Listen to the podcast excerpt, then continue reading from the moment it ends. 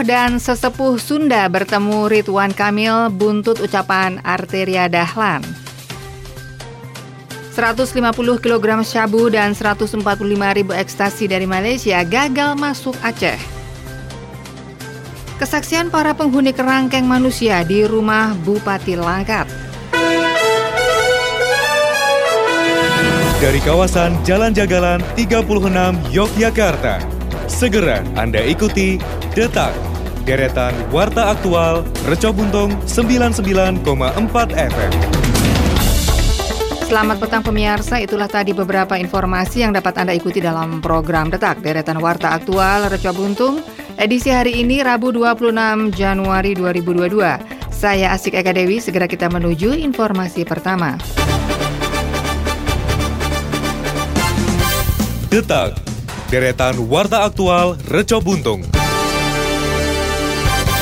Dari CNN Indonesia, pasca polemik pernyataan anggota Komisi 3 DPR RI Arteria Dahlan menyinggung Kajati berbahasa Sunda, sejumlah inohong di Jawa Barat bertemu dengan Gubernur Jawa Barat Ridwan Kamil beberapa waktu lalu. Inohong dalam bahasa Sunda adalah tokoh masyarakat, pemimpin atau orang berpengaruh karena kapabilitasnya, baik dalam ilmu, jabatan, dan lain-lainnya.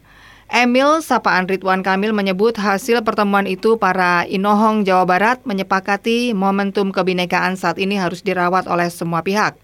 Selain Inohong Jawa Barat, hadir dalam pertemuan dengan Gubernur Jawa Barat itu adalah para sesepuh, akademisi budayawan Sunda, serta pemangku kebijakan lain di wilayah provinsi itu.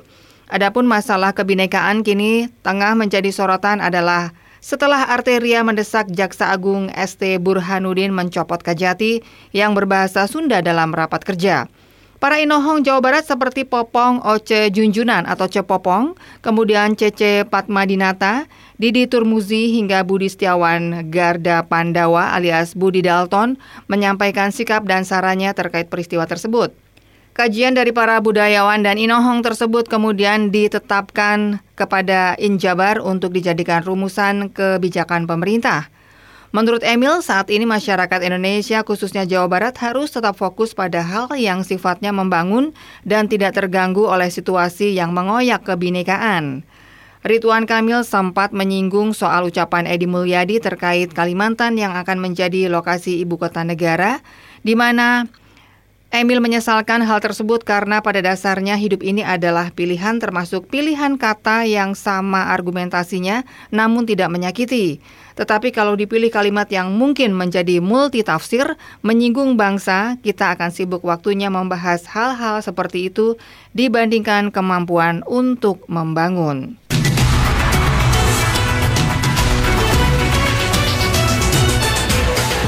Pemirsa Polda Aceh menggagalkan upaya penyelundupan 150 kg sabu, 145 ribu ekstasi, dan 50 ribu pil Happy Five. Narkoba tersebut dipasok dari Malaysia dan hendak dikirim ke Aceh melalui jalur laut.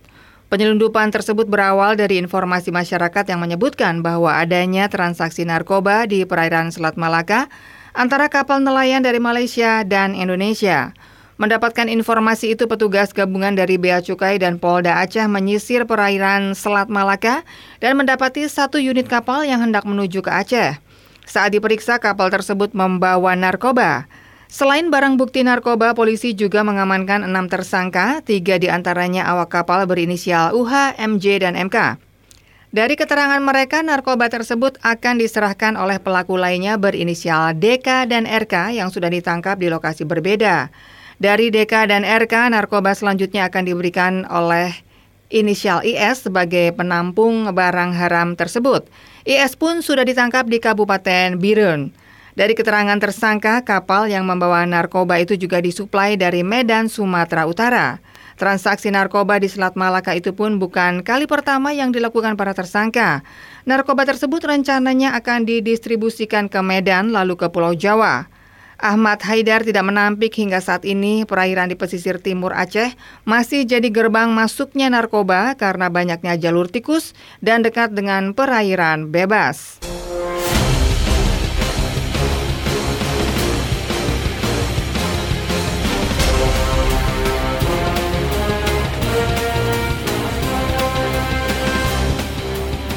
Pemirsa dari CNN Indonesia, dua orang penghuni kerangkeng di halaman belakang rumah Bupati Langkat terbit rencana perangin-angin buka suara terkait kondisi sehari-hari warga yang tinggal di tempat serupa penjara tersebut. Salah satu warga penghuni ruangan, Jeffrey Sembiring, mengaku bisa melakukan pekerjaan sehari-hari dan berkomunikasi dengan masyarakat. Dia juga mengaku mendapatkan gaji untuk pekerjaannya di kebun milik Bupati Langkat terbit rencana perangin-angin. Penghuni lainnya, Freddy Jonathan, juga mengaku bisa beraktivitas seperti biasa, seperti mencuci baju dan menyapu halaman sekitar. Terkadang dia juga berolahraga di pagi hari. Menurut istri seorang warga yang tinggal di Kerangkeng, Hana Sitepu, suaminya mendapatkan makan tiga kali sehari dengan layak. Hana juga membantah isi pemberitaan media yang menyebut kerangkeng tersebut dibuat untuk perbudakan. Sementara itu, PLT Kepala BNN Kabupaten Langkat Rusmiati mengaku sedang melakukan asesmen guna mengambil keputusan pemindahan warga yang tinggal di Kerangkeng. Warga tersebut akan dipindah ke tempat rehabilitasi atau dipulangkan ke keluarganya. Temuan kerangkeng manusia di rumah terbit rencana perangin-angin sebelumnya dilaporkan oleh Migran Care ke Komnas HAM. Kerangkeng tersebut ditemukan di belakang rumah Bupati Langkat yang menyamai penjara. Diduga kerangkeng yang terbuat dari besi dan digembok itu dipakai untuk para pekerja sawit di ladang Bupati Langkat. Sebagai informasi, terbit rencana perangin-angin terjaring operasi tangkap tangan atau OTT KPK. Ia tersangka KPK yang terjerat kasus dugaan suap penerimaan hadiah atau janji terkait pengadaan barang dan jasa tahun 2020-2022. Pemirsa, Ayo kita kompak dan serius mencegah penyebaran virus corona dan lindungi anggota keluarga dengan anteng di rumah saja. Jika terpaksa keluar rumah, segera mandi dan ganti baju setelah dari luar rumah. Stop menggantung baju setelah dipakai di luar rumah. Ganti baju segera sesampainya di rumah. Jangan bersandar atau menyentuh apa pun sepulang dari bepergian. Hindari kontak dengan anak-anak atau anggota keluarga lainnya sebelum mandi dan ganti baju.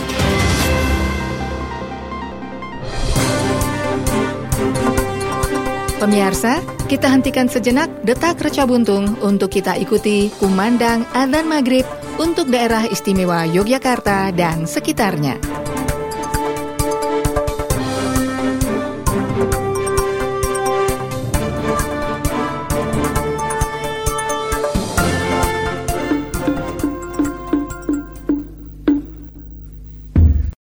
الله أكبر.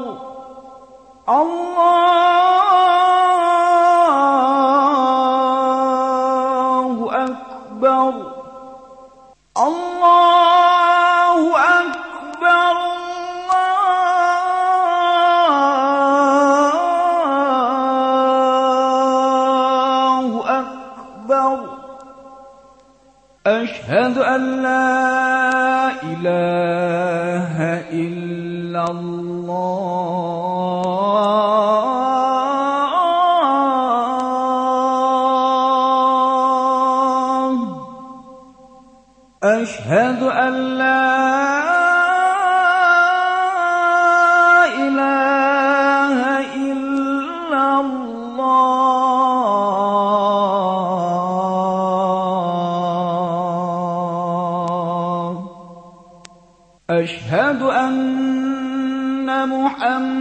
محمد رسول الله.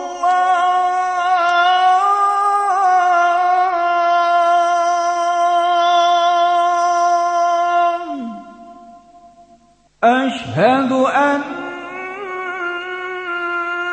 محمد رسول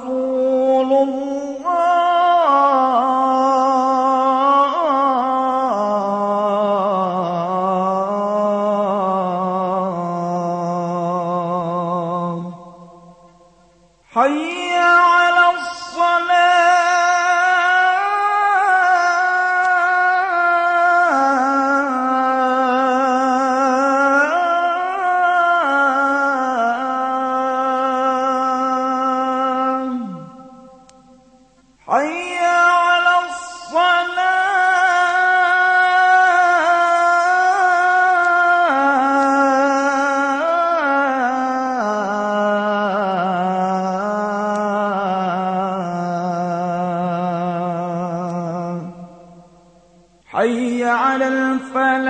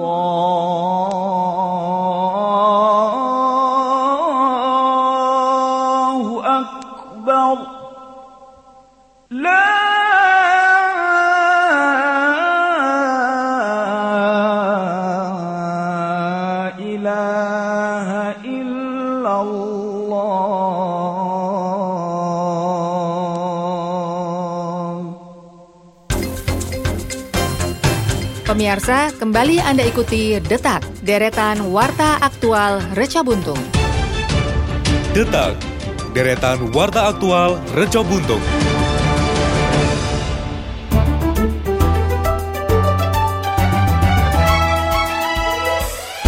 Baik pemirsa, masih Anda ikuti Detak, deretan Warta Aktual Reca Buntung bersama saya Asik Eka Dewi. Segera akan hadir rekan-rekan reporter yang akan menyampaikan beberapa berita daerah di segmen Jogja Selintas. Baik, terima kasih rekan Asik Eka Dewi. Pemirsa Jogja Selintas kami awali dari Sleman. Kabar mengejutkan datang dari Bupati Sleman Kustini Sri Purnomo. Orang nomor satu di Pemkap Sleman tersebut dipastikan terpapar atau positif COVID-19. Meski harus menjalani isolasi mandiri di rumah dinas, namun sampai saat ini kondisi Bupati baik-baik saja dan tidak mengalami gejala berat. Saat dikonfirmasi pada Selasa kemarin 25 Januari, Bupati menegaskan kondisinya saat ini baik-baik saja dan tidak mengalami gejala berat. Ia mengungkapkan selama satu minggu terakhir memiliki agenda yang cukup padat, mulai dari kunjungan kerja ke Kabupaten Lumajang, Jakarta, dan Kabupaten Kulon Progo. Setelah itu sempat merasakan gejala yang mirip dengan flu dan kemudian berinisiatif melakukan tes antigen pada Minggu 23 Januari malam hari dan hasilnya reaktif. Kemudian dilanjutkan pada Senin 24 Januari melakukan tes PCR dan hasilnya positif. Bupati juga tidak lupa mengingatkan masyarakat untuk tetap mentaati protokol kesehatan dengan menerapkan cuci tangan, menggunakan masker, dan menjaga jarak, serta membatasi mobilitas. Sementara setelah Bupati dinyatakan positif COVID kepada keluarga dan orang-orang terdekatnya, dilakukan tracing dengan mengikuti swab antigen di rumah dinas Bupati, termasuk para ASN yang selama ini berada di lingkaran Bupati yang juga menjalani swab antigen. Kita beralih ke Kulon Progo. Pemirsa dari Wates diberitakan, gudang genset pabrik wig milik PT Sancang Indonesia atau SCI di wilayah Tambak Triharjo Wates terbakar pada Selasa kemarin 25 Januari siang hari. Akibat kejadian ini, ribuan karyawan yang sedang bekerja dievakuasi dan dipulangkan lebih awal dan tidak ada korban jiwa dalam kejadian tersebut.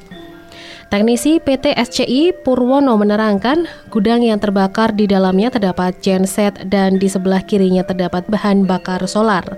Api diketahui muncul jelang waktu istirahat karyawan atau sekitar pukul 11 lebih 30 waktu Indonesia Barat. Sementara itu pemirsa Kapolsek Wates Kompol Gunardi Tejamurti mengatakan, Pihaknya mendapat laporan kebakaran di pabrik wig milik PT SCI sekitar pukul 11 lebih 45. Petugas langsung menuju TKP dan menghubungi pemadam kebakaran. Guna memadamkan api yang semakin membesar, melibatkan dua mobil damkar Kulon Progo, PMI Kulon Progo, Water Cannon Polres Kulon Progo, serta bantuan damkar dari Sleman, Bantul, dan Jogja. Sampai pukul 13 lebih 30 waktu Indonesia Barat, api belum bisa dipadamkan. Proses pemadaman api membutuhkan waktu yang lama karena di dalam ruangan banyak barang yang mudah terbakar. Baik pemirsa demikian informasi dari Sleman dan Kulon Progo sumber berita dari Harian Kedaulatan Rakyat. Saya Mei Damara dan kita beralih ke berita Kota Yogyakarta bersama rekan dari Pradita. Silakan dari. Baik, terima kasih Mei Damara. Pendengar Gubernur DIY Sri Sultan Hamengkubuwono ke-10 menyatakan relokasi bagi para PKL bertujuan untuk mengembangkan sistem jaringan pejalan kaki yang berkualitas di kawasan pedestrian serta membuka aksesibilitas Jalan Malioboro dan Jalan Margomulyo sebagai pusat pelayanan kota. Hal tersebut disampaikan Gubernur DIY Sri Sultan Hamengkubuwono ke-10 pada Selasa 25 Januari usai rakordal di Komplek Kepatian Yogyakarta. Dalam penjelasannya, Sultan menyatakan pihaknya telah menunggu 18 tahun untuk melakukan relokasi ini. Dan hingga saat ini terdapat sekitar 1.800 PKL yang berjualan di sepanjang Jalan Malioboro dan Jalan Margomulyo. Sementara itu Kepala Dinas Kebudayaan Kota Yogyakarta Yeti Martanti menyatakan relokasi PKL Malioboro merupakan upaya revitalisasi Selain itu, relokasi bisa memberikan jaminan bagi para PKL, di antaranya legalitas lokasi usaha, perubahan status informal menjadi formal, serta program pembinaan, hingga promosi melalui kerjasama dengan pemerintah. Di sisi lain, Ketua Paguyuban PKL Tridharma Rudiarto menyatakan, para PKL pada dasarnya bisa menerima pemindahan tersebut, namun pihaknya juga berharap relokasi dilakukan bagi semua pedagang tanpa terkecuali dan lokasi sebelumnya tidak digunakan oleh pedagang-pedagang baru, pemilik toko atau pemodal besar. Tempat relokasi juga diharapkan memiliki kelayakan usaha, daya tampung, serta mampu menunjang keberlanjutan usaha mereka. Pihaknya juga berharap pemerintah nantinya mendukung upaya promosi bagi para PKL sehingga kegiatan ekonomi para PKL terus berlanjut dan harapannya meningkat lebih baik. Pendengar capaian penerimaan ZIS dan DSKL Badan Amil Zakat Nasional atau Basnas Kota Yogyakarta meningkat 8,86 persen dari tahun 2020 dengan total 5,9 miliar rupiah lebih. Ketua Basnas Kota Yogyakarta Samsul Ashari menyatakan capaian penerimaan zakat sebesar 4,3 miliar rupiah lebih dengan presentase 72,39 persen. Kemudian infak 1,5 miliar rupiah atau 25,91 persen. Kemudian CSR 1 juta dan dana sosial keagamaan lainnya mencapai 100 juta lebih atau 1,68 persen.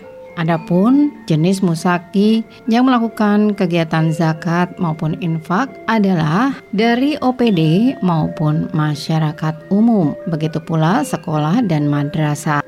Sedangkan untuk pelaksanaan pentasarufan JIS dan DSKL mencapai 5,9 miliar rupiah lebih dalam bentuk Kegiatan Jogja Sejahtera, Jogja Peduli, Jogja Takwa, Jogja Sehat, dan Jogja Cerdas. Dengan penerima manfaat sebesar 24.780 orang dari 169 lembaga. Samsul Ashari juga menyatakan selama masa PPKM, dana Basnas banyak disalurkan untuk kegiatan Jogja Peduli guna membantu kegiatan tanggap COVID-19 yang mencapai 2,1 miliar lebih. Pihaknya juga menyatakan bahwa kegiatan pentasarufan JIS maupun DSKL diharapkan mampu mendukung kegiatan Pemkot Yogyakarta, di antaranya untuk untuk mengantisipasi kemiskinan maupun mencegah stunting. Berikut petikan penjelasan Samsul Ashari. dibandingkan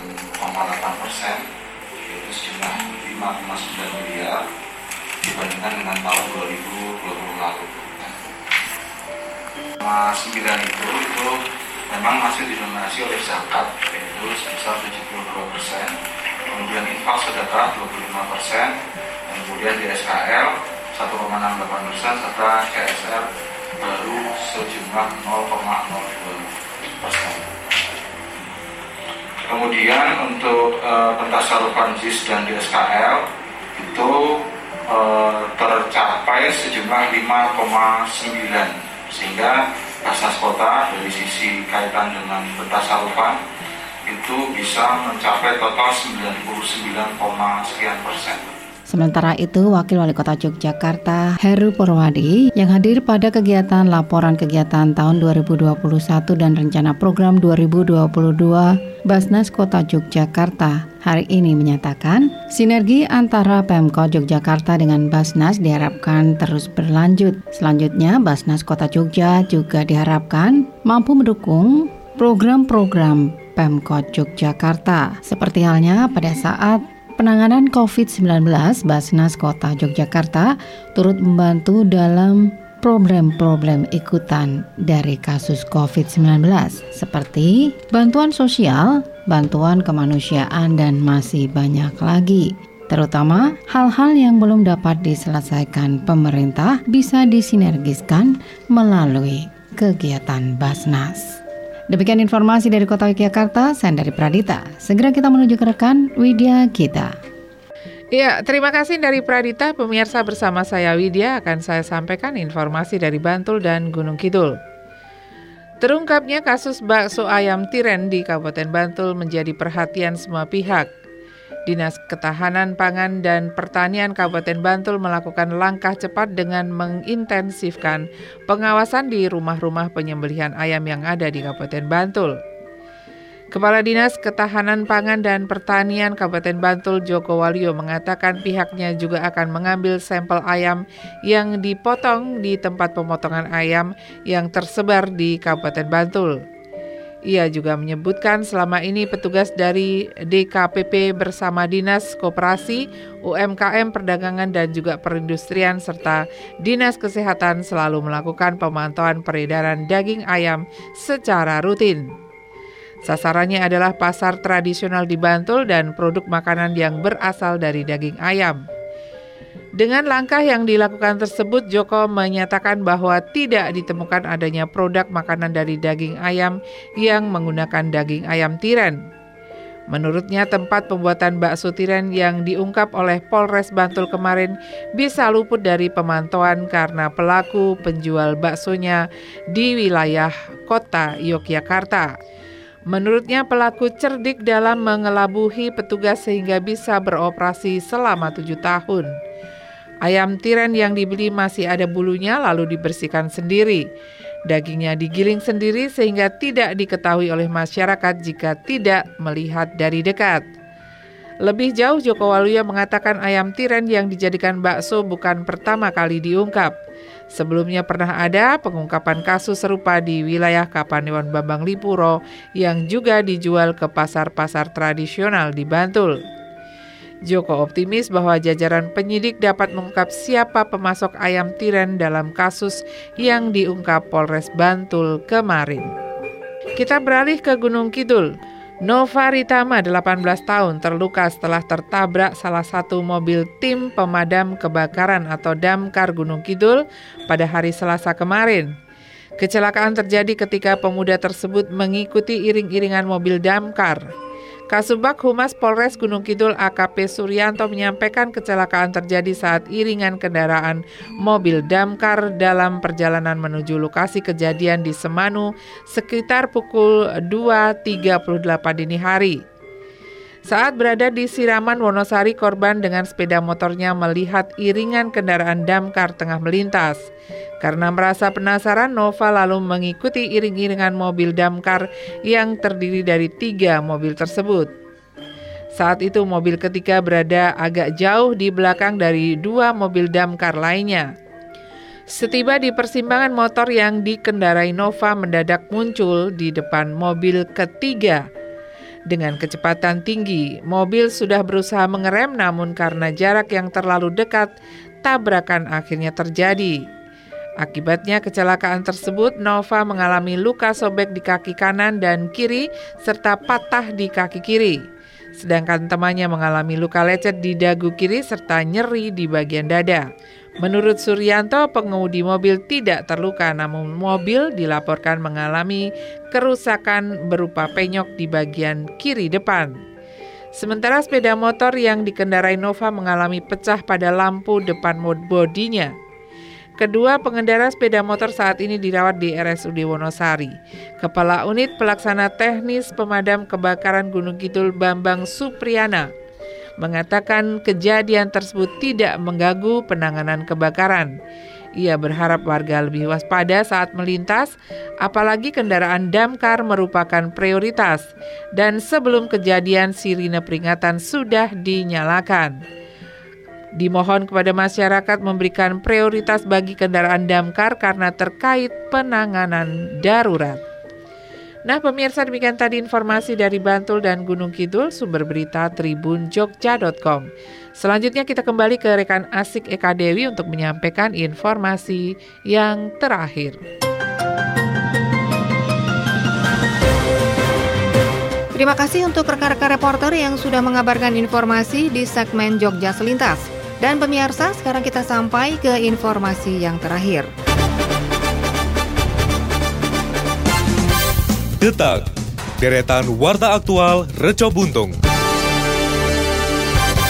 Dari Tribun Jogja.com, pedagang kaki lima PKL Malioboro, Yogyakarta dijadwalkan mulai boyongan hari ini Rabu 26 Januari. Gubernur Daerah Istimewa Yogyakarta Sri Sultan Hamengkubuwono ke-10 memastikan proses relokasi pedagang kaki lima yang biasa berjualan di Selasar Malioboro akan dimulai pada hari ini. Upaya pemindahan lapak pedagang dilakukan secara bertahap. Sedikitnya 2.000 PKL ditarget pindah ke tempat yang baru, yaitu gedung ex bioskop Indra dan ex kantor dinas pariwisata DIY. Sultan menghimbau para PKL untuk menghadiri tahap awal relokasi pada 26 Januari. Tidak menutup kemungkinan Pemda DIY akan melakukan dialog terkait kebutuhan PKL yang akan berjualan di tempat yang baru. Pemda DIY berjanji bakal melakukan upaya promosi agar dua spot berbelanja baru itu dikenal wisatawan. Pihaknya juga membebaskan biaya retribusi bagi PKL terdampak relokasi untuk meringankan beban ekonomi mereka. Kemudian terkait penentuan lapak PKL, hal tersebut diserahkan kepada masing-masing paguyuban. Kalangan legislatif mendesak Pemkot Yogyakarta agar menempuh jalur dialog dengan pedagang kaki lima Malioboro. Hal tersebut untuk menanggapi keluhan soal lapak-lapak teras Malioboro yang dinilai kurang representatif lantaran terlampau kecil. Ketua Pansus Relokasi PKL Malioboro DPRD Kota Jogja Antonius Foki Ardianto menyampaikan, ke depannya para pedagang bakal melanjutkan hidup melalui lapak tersebut dalam kurun waktu yang panjang, sehingga pemerintah harus memastikan kelayakan titik penataan itu. Dengan duduk bersama, dikatakan Foki, kedua pihak pun dapat saling memberikan masukan soal keresahan-keresahan yang dirasakan di masa transisi. Menurutnya, proses relokasi otomatis akan berjalan lancar jika digulirkan secara fair, transparan, serta tidak ada yang ditutup-tutupi.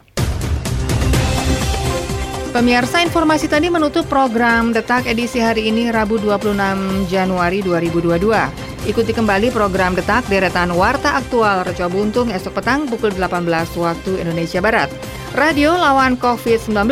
Jangan lupa cuci tangan pakai sabun, jaga jarak, jangan berkerumun, gunakan masker, dan lebih baik di rumah saja. Saya Asik Eka Dewi, selamat petang dan sampai jumpa.